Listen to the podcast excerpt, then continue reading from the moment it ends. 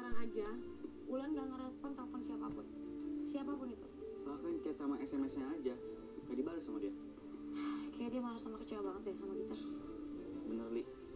gue sependapat sama lu gimana mau kan Iya, ya?